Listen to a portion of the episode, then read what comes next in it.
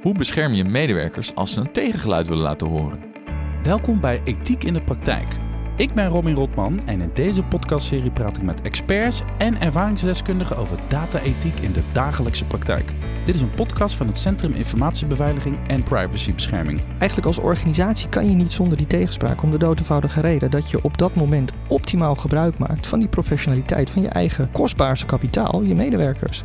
Te gast vandaag Enrico Visione, projectleider Loyale Tegenspraak bij ANO Fonds Rijk. Zegt het goed zo? Dat zeg je helemaal prima.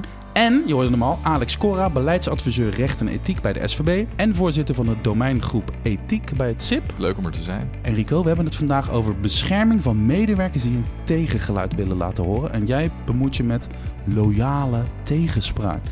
Dat klinkt mooi, maar wat is het? Ja, loyale tegenspraak is een term die uit de CAO kwam. Een, een, een CAO die overeengekomen is uh, anderhalf jaar geleden. Daar is de term loyale tegenspraak uh, uh, voor het eerst genoemd. En wij hebben bij het ANO-fonds Rijk een project gestart om invulling te geven aan die term. Wat is dat nou? En bij ons is dat loyaal zijn aan je eigen professionaliteit en aan de samenleving en uh, zo uh, uh, binnen de organisatie tegenspraak leveren. Maar er zit natuurlijk ook wel iets in dat als je een tegengeluid wil laten horen, je, je, bent, je hebt gewoon een kritisch geluid, je bent het niet eens met de baas of, een, of een bepaald project. Het zint je gewoon niet dat je, dat, je, dat gewoon kan uiten zonder dat je het gevoel hebt van, oh, nu zien ze mij als niet loyaal. Tegenspraak is dus gewoon nog steeds loyaal. Dat, dat biedt ook een soort veiligheid volgens mij. Zit er ook in, klopt dat? Dat, dat zeker. Um, tegenspraak, hè, loyale tegenspraak richt zich ook op de grotere zaken. Dus niet van ik ben het niet eens dat mijn vakantie wordt afgewezen. Nee, het gaat echt om zaken die jou als, als, als medewerker treffen.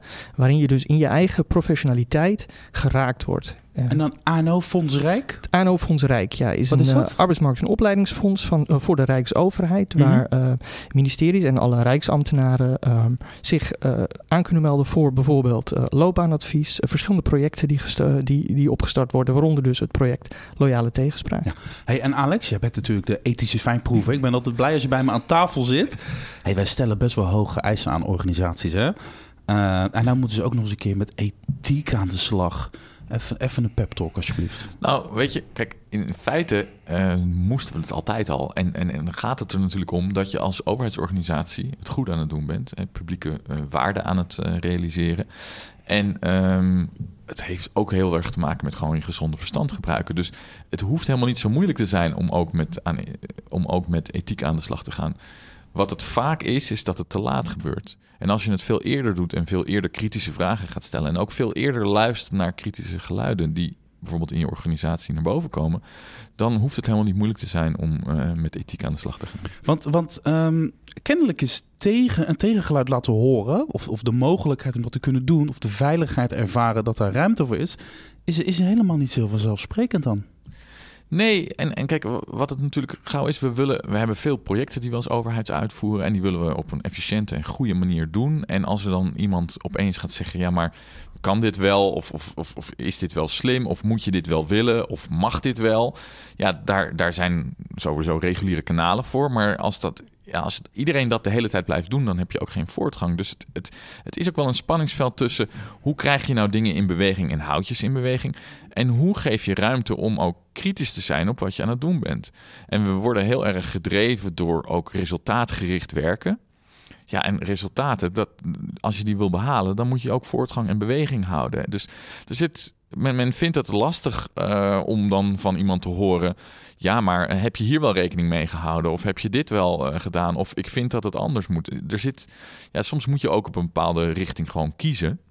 Uh, dus dat blijft een, een, een, een lastige dynamiek. Wat is jouw uh, gevoel, Enrico, als het gaat over die tegenspraak en de ruimte die er is bij een organisatie? Wat, is het dan meer dat de medewerker het gevoel heeft van: oeh, dit is niet handig, dit mag niet, of ik voel niet zoveel ruimte, terwijl die er misschien wel is? Of is het inderdaad de leidinggevende die die ruimte, niet biedt? Want het is ook een beetje, het is ook een beetje perceptie natuurlijk. Uh, of je wel, of je, je dapper genoeg bent, of, of zelf guts genoeg hebt om gewoon je, je, je gut feeling te volgen en, en, en tegengeluid te laten horen. Waar zit dan, waar, waar zit het allemaal, dit? Dat is de, eigenlijk alles wat je zegt klopt. Want oh. nou ja, het is niet het een of het ander. Het, het, is, het, het hangt heel erg van de organisatie af waar je bent. Wat de reden is waarom het gevoel of uh, er, er, is dat er geen tegenspraak, geleverd kan worden, of uh, waar er gewoon echt feitelijk gewoon geen tegenspraak geduld wordt. Uh, je hebt organisaties waarin uh, ja, een hele erge hiërarchische lijn is. Waarin gewoon niet gebruikelijk is dat mensen iets tegen de leidinggevende zeggen of, of hogerop. Um, daar komen dan van die ongeschreven regels bij. Hè? Dat, dat je, iedereen kent dat wel als je binnenkomt bij een organisatie en, en, en, en je bent daar net een, een, een, week binnen. En, en dat collega's al tegen je zeggen van nou, ik zou me niet... Uh, ga niet naar die, van de blazen, hoor. Ga, ga, maar, ga maar niet naar, naar, naar, naar Pietje Puk, want uh, die, die heeft soms een slechte dag. Nou, dat kan een reden zijn. Het kan ook zo zijn dat... Uh, de organisatie zegt dat ze wel degelijk tegenspraak willen, maar vervolgens ja, eigenlijk helemaal niks met die tegenspraak doen. Of helemaal die, die professionaliteit van die medewerker niet ja, meenemen in hun afweging. Oh dan zeggen ze wat dat ze het doen, maar dan doen ze het eigenlijk niet. En ja, precies dat. Uh, en dus, dus we hebben ook binnen het project uh, verschillende uh, dilemma's benoemd. Echt een, een, tiental dilemma's die je gewoon kan, kan teruglezen daar een van de dilemma's bijvoorbeeld die mensen ook hebben, is dat er bij sommige organisaties ook gewoon een afrekencultuur heerst. Waarin je, als, als jij je mond opentrekt, nou denk maar niet dat je dan carrière gaat maken. Dan krijg je een beetje die welbekende angstcultuur krijg je dan. Hè? Ja, dus, dus nogmaals, dat, dat, dat hangt heel erg van de organisatie af waar je bent uh, en, en, en, en wat de reden is waarom tegenspraak moeilijk is. En, en, en dat wat Alex nu uh, om, omschrijft, hè, dat het dus een soort, het moet efficiënt, het moet snel, er is weinig ruimte om, om misschien fouten te maken. Weet je, die, oog, die oogkleppen en uh, we willen wel dat er ruimte is, maar eigenlijk hebben we er geen tijd voor. De gedoe met die lastige medewerkers die ook overal wat van vinden. Is dat ook een soort iets, iets wat, je, wat je signaleert? Ja, de werkzaamheden binnen, de, binnen verschillende ministeries ook, hè, als ik dat dan zo bezie, zijn ook complex geworden. Uh, ze zijn ook, zijn ook lastiger. Um, dat betekent dat ook heel veel systemen taken hebben overgenomen. En uh, dat maakt het ja, voor de medewerker ook soms lastig om nog zijn nog haar rol daarin te vinden. Van wat hoe kan ik mij ja, tot de, tot de wat, kan ik nog, wat kan ik nog doen? Hè? Welke, welke ruimte heb ik nog als medewerker om daarin iets te doen? En um, dan zie je dat, dat tegenspraak leveren ook gewoon eigenlijk essentieel is om dat goed te laten verlopen, maar dat dat gewoon niet gebeurt. Herken je het, Alex? Dat zeg maar de, de, de, de opkomst of een introductie van technologie, datatechnologie, dat, dat die medewerker een beetje zoekt van wat, wat, wie, wie ben ik hier eigenlijk nog? En dat er misschien niet genoeg uh, over gepraat wordt van wat gaan we doen? Absoluut. Wat je natuurlijk zag is dat we, nou ja, we zijn al jaren aan het digitaliseren. En, en, en, en de mens wordt soms ook wel als de zwakke plek in het proces gezien in de, in, vanuit dat perspectief. Dus dan haal je het denken en de keuzemogelijkheden haal je bij de mens weg en die stop je in het proces. Want dat, ja, dat proces is heel, uh, dat herhaalt zich altijd goed. Mm-hmm. Dat, uh, daar kan je heel mooi controleren. Dus daar kan je, daar kan je ook beperkte opties in, in geven, zodat je altijd weet waar de uitkomsten terechtkomen. Dus dat heeft ook zeker voordelen. Stroomlijnen, optimaliseren kan je je prachtig in systemen doen.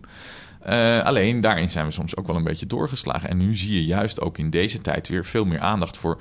Maar hoe kunnen we nou rekening houden met die menselijke maat? En dat vraagt ook dat dus de mensen die in dat proces aan het werk zijn en beslissingen moeten nemen, daar de ruimte voor krijgen en, en ook de capaciteiten voor krijgen. En een van de capaciteiten die je ook moet hebben is ja, kritisch kunnen uh, feedback geven, om het zo maar te zeggen. Je moet een tegengeluid kunnen laten horen. Maar dat vraagt ook wel weer dat er een, aan de andere kant iemand is die open staat voor het ontvangen van dat geluid. Dus dat vraagt competenties aan de kant van de professionals, maar ook aan de kant van het bestuur en degene die ja, het gezag organiseren, om het zo maar te zeggen.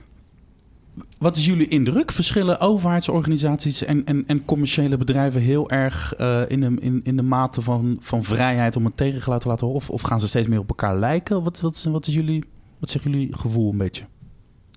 Vind ik, vind ik lastig, omdat ik weinig ervaring heb met commerciële bedrijven. Maar ik kan mij eigenlijk niet aan de indruk onttrekken dat ook in heel veel commerciële bedrijven precies ditzelfde speelt. Ik bedoel, als ik even naar mijn eigen ervaring kijk uh, van, van een ver verleden nog bij een, uh, bij een, uh, een, een, een, oliemaatschappij. Ja, daar was, daar was nou ook niet echt de, de, de algemene gang van zaken dat je de directeur tegensprak. Hè? Of dat je, dat je daar een kritisch geluid liet horen. Dat was wel ook weer een hele hiërarchisch ingerichte organisatie. Um, dat hangt dus heel erg af van waar je binnen die Rijksoverheid bent. Wat, wat, wat, de, wat het effect is. Ja, ik denk dat je, wat je natuurlijk wel ook gezien hebt, in, in, ook weer in de afgelopen decennia, is dat er uh, veel meer zakelijk werken bij de overheid is geïntroduceerd. Hè. Het moest allemaal meer zoals dat ook in de commerciële sector gebeurt. Dus ik denk dat daardoor ook die culturen veel meer vergelijkbaar zijn geworden. Het gaat om outputs. Het gaat, je wordt afgerekend op resultaten, wat op zich prima is. Targets. targets, ja, maar dat zijn altijd maar beperkte uh, reflecties van de realiteit. En daar moet je dus ook rekening mee houden. Hè. Het is prachtig om een dashboard te hebben waarop allemaal mooie groene smileys staan. Maar wat zit daarachter en wat betekent dat nou echt? En hoe vertaalt zich dat tot de ruimte die een professional heeft om rekening te houden met een burger. Daar moet je ook goed over nadenken. Waarom is tegenspraak eigenlijk zo belangrijk? Waarom moeten we dat cultiveren en koesteren eigenlijk, eh, Enrico? Ja, dat is een goede vraag. Uh, tegenspraak, waarom is dat belangrijk? Nou, eigenlijk als organisatie kan je niet zonder die tegenspraak. Om de dood eenvoudige reden dat je op dat moment, als je die, hè, zoals wij hem ook interpreteren, die loyale tegenspraak, optimaal gebruik maakt van die professionaliteit, van je eigen kostbaarste kapitaal, je medewerkers. En dat wordt nog wel eens vergeten. Juist die kennis, die kunde van die ambtenaren, die er niet, niet eens, hoeven niet eens lang te werken, maar die gewoon echt wel met een hele grote bagage komen, die moet je gewoon eigenlijk gebruiken. Zet die in. Ja, zeker. Kijk, wat je natuurlijk ziet is dat um, uh, zeker dit, dat, dat, dat kritische uh, denken vanuit ook de mensen in de uitvoering en die in, met hun voeten in de klei staan, om het zo maar te zeggen ja, dat is allemaal informatie die niet zo makkelijk in zo'n dashboard terechtkomt. En, en, en juist dat soort informatie die dichter in contact staat met de realiteit, heb je nodig mhm. om ook in te zien als het bijvoorbeeld iets niet goed loopt. En dan kan je beter denken, ja, beter uh, halverwege gekeerd dan ten volle gedwaald. Uh, maar daarvoor moet je wel dat signaal hebben gekregen. Dus moet dat geluid ergens die organisatie ingekomen zijn. En niet afgeketst zijn op een leemlaag van hiërarchie. Uh, die, ja, die eigenlijk ongemak voelt bij iets wat niet past binnen het projectplan of binnen de visie die men heeft. Ja, dat is toch allemaal gedoe. Dan moeten we daar weer een gesprek over voeren en dan moeten we daar weer iets voor regelen. Maar we hadden het allemaal al zo mooi in het plan staan. En dan komt er weer iemand met, met zo'n met zo'n tegengeluid, wat misschien uh, juist iets reflecteert wat in de realiteit gebeurt, wat je niet verwacht had. Oké, oké, oké. oké. Ik, ik, ik wil eigenlijk voorbeelden, Enrico. Maar voordat die voorbeelden komen, nog, nog even Alex. Jij bent natuurlijk uh, voorzitter van die domeingroep ethiek bij het SIP. Uh, wat zijn dan de ethische zaken die spelen uh, als het gaat over, uh, over het gebrek aan openheid of transparantie of de vrijheid voelen om. Wat je noemde één ding, hè? we hebben het nu een beetje over de, de manier waarop de organisatie geregeld is. Dat is een ding. Maar als het gaat over de casussen, gaat het dan over, gaat het over privacy? Wat, waar hebben we het eigenlijk over in de praktijk?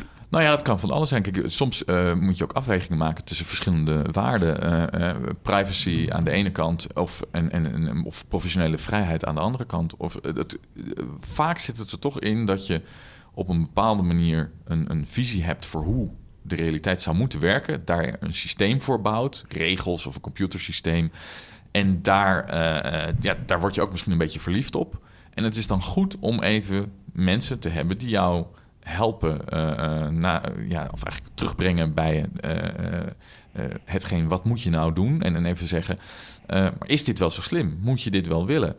En hoe meer je tegengeluiden van, van anderen hoort, hoe beter je ook gedwongen wordt om na te denken over waarom je iets wil. En wat jouw verhaal is waarom je het wel wil. Heel vaak hebben we een prachtig verhaal waarom we iets willen, maar is dat toch niet helemaal goed uitgedacht in de zin van dat alle tegengeluiden uh, weerwoord hebben gekregen daarin. En dat hoeft ook niet altijd, maar het scherpt jou gewoon om beter verhaal te hebben waarom je bepaalde keuzes maakt. Dus daar moet je inderdaad gebruik van maken. Dat is, ja, dat is eigenlijk heel waardevol. Kom eens met een concreet voorbeeld, Enrico, als je wil. Een, ministerie, noem, kom, kom, kom eens met nou iets ja, Er zijn bij ons uh, via het project natuurlijk verschillende verhalen binnengekomen... die ook uh, op de website staan. En mm -hmm. één verhaal daarvan is van een, uh, ja, een nieuwe ICT-medewerker... die bij een ministerie naar binnen kwam. Um, en die ICT-medewerker had natuurlijk al ervaring in eerder werk. En die kwam bij dat ministerie werken en die zag dat daar een computerprogramma eigenlijk geïntroduceerd zou gaan worden. Waar eh, hij of zij al, al hele slechte ervaringen mee had. Of in ieder geval wist dat daar wat problemen mee waren. Oh, dus een klassieke. Dat is een beetje wat je net omschreef. Je bent nieuw. Eigenlijk Ja. heb je er heel veel verstand van. En dan, Eh, ja. en dan, dan heb je een stem die je wilt laten horen. Je voelt een enorme drive. En dan? En dan? Precies. Nou, diegene ging naar die leidinggevende toe en zei van... ja, hier heb ik al ervaring mee. Eh, Weten we het heel zeker? Hebben we hier aan gedacht, daar aan gedacht? Hè? Weten we... Of weet, weet dat er elders problemen met dat programma zijn. Ja, en dat wordt, werd dan door die eh, leidinggevende op dat moment weggewoven met... ja, het zal wel meevallen. En ook een beetje met de zweem van je komt hier net kijken... Dus wat, wat weet jij nou eigenlijk? Want je hebt helemaal niet in de gaten eh, waar het hier om gaat. Hè? Dus op die manier zie je dat ehm, die tegenspraak spraak eigenlijk in de kiem gesmoord wordt. Die medewerker waarschijnlijk de volgende keer dat hij iets wil zeggen, wel twee of drie keer nadenkt. En die andere Voordat- collega's misschien ook. Die zien die, gewoon die zien ook wat er gebeurt. Ja. hè? En als organisatie laat je de mogelijkheid eigenlijk lopen om iets te leren. Hè? Dus die, hè, want kijk, ik wil niet zeggen dat diegene gelijk had. Dat, dat weet ik niet. Het kan zijn dat dat programma hartstikke goed werkt op dat ministerie. Maar wat je verwacht en wat je wil van zo'n leidinggevende is dat er een geïnformeerde, of in ieder geval een beargumenteerde eh, reactie komt van waarom wel of waarom niet. Zo is die medewerker ook gewoon eh, meer tevreden met eh, hoe, hoe de tegenspraak is gegaan. Hè? Want dan heb je in ieder geval feedback gehad. En dan ben je ook meer genegen om de volgende keer dat weer te zeggen. Want je weet dat dat veilig is en je weet dat je een, een, gewoon een dialoog aangaat. En als je een beetje mazzel hebt, dan pas je het systeem aan. En dan gaat alles nog beter werken ook. Exact. ja, precies. Dit is een beetje wat jij net zei, hè? Ja, en los daarvan, het is natuurlijk ook zo dat je eh, inderdaad wat jij zegt, het gevoel van gehoord zijn en, en, en, en, en ook serieus genomen zijn als jij een, een, een, een, een geluid laat horen wat misschien net even anders is dan het mainstream geluid. Ja, dat, dat is juist belangrijk om ervoor te zorgen dat mensen dat blijven doen. Als jij afgekapt wordt of afgesnauwd of het wordt niet relevant gevonden en, ehm, en daarna gaat het toch mis, dan krijg je I told you so. Ja, de mensen die in zo'n soort eh, eh, eh, situatie terechtkomen, die trekken zich gewoon terug. Die denken, weet je, ik doe wel wat, ik, wat van me gevraagd wordt, maar ik ga echt niks meer extra doen en ik ga me niks meer van me laten beetje horen. passieve medewerkers. Ja, en dat is zonde en het is funest voor je organisatie. Ten koste van de denkkracht.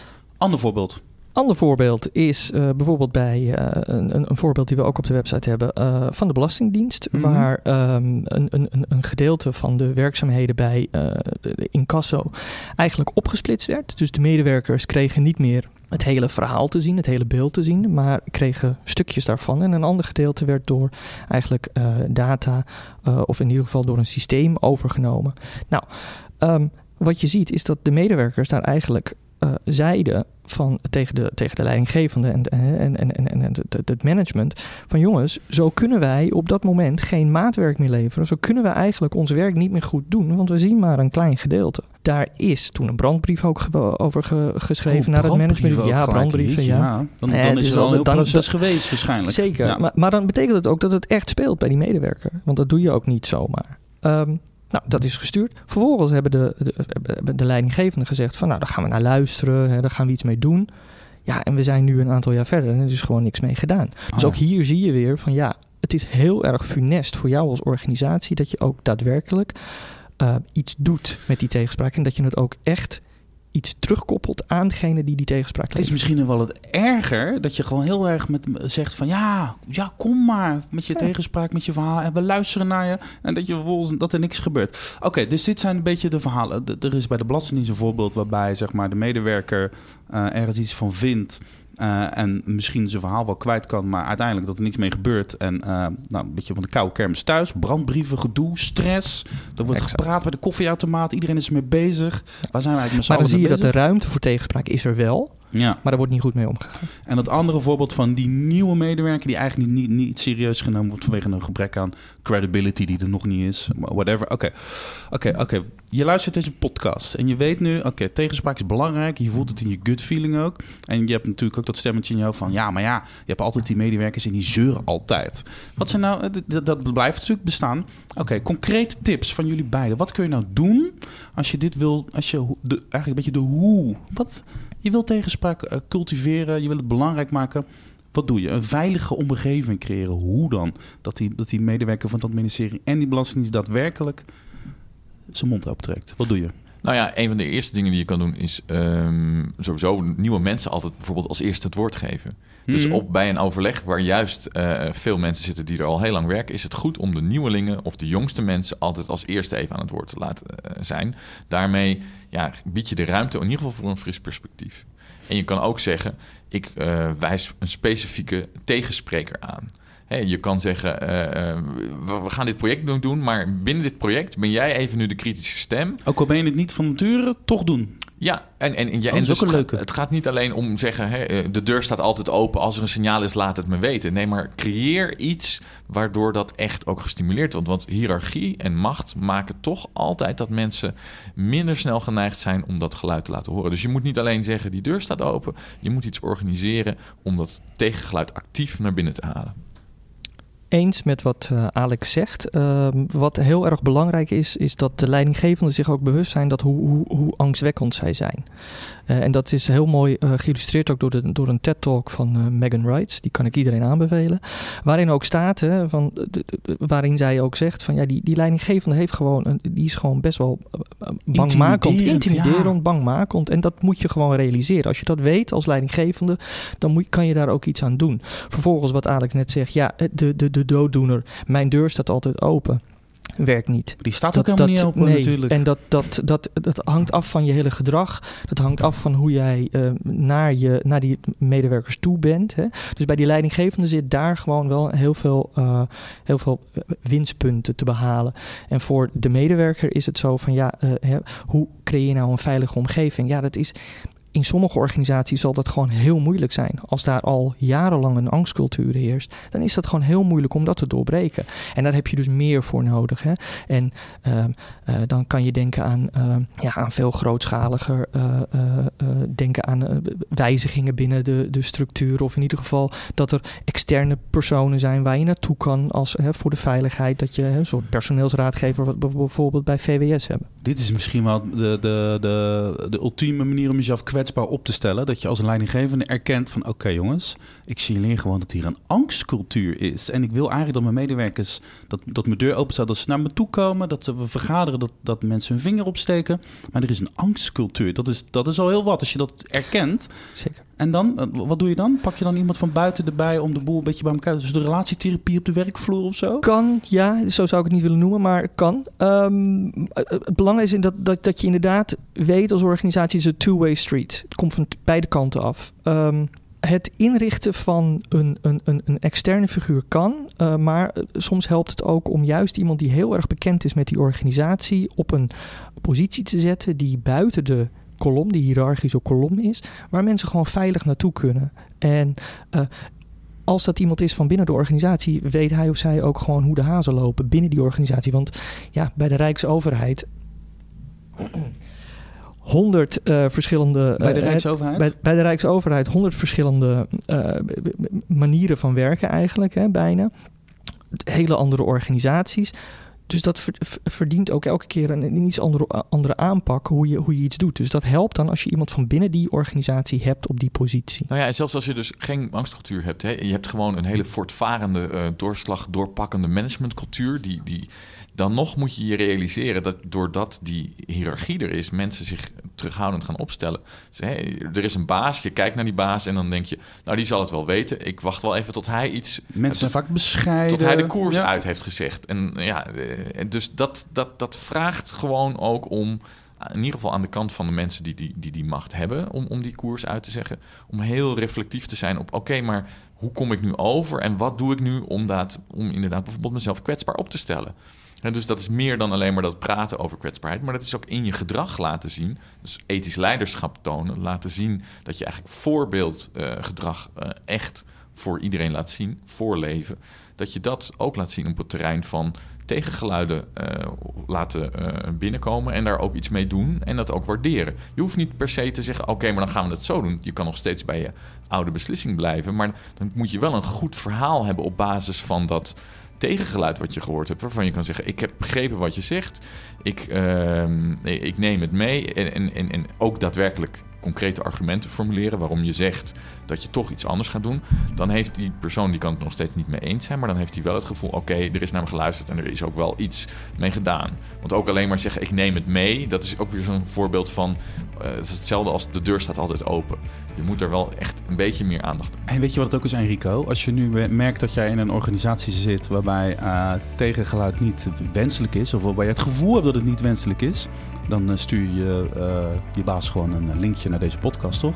Dat lijkt me altijd een goed idee, inderdaad. Ja. Dankjewel Enrico Visione en Alex Cora.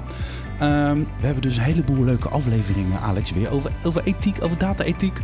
Als mensen nou meer afleveringen willen horen, en dat willen ze natuurlijk, waar moeten ze dan zijn? En dan moeten ze naar uh, sip-overheid.nl slash uitgelicht. En daar kunnen ze van alles vinden. Of in hun favoriete podcast app. Dank jullie wel.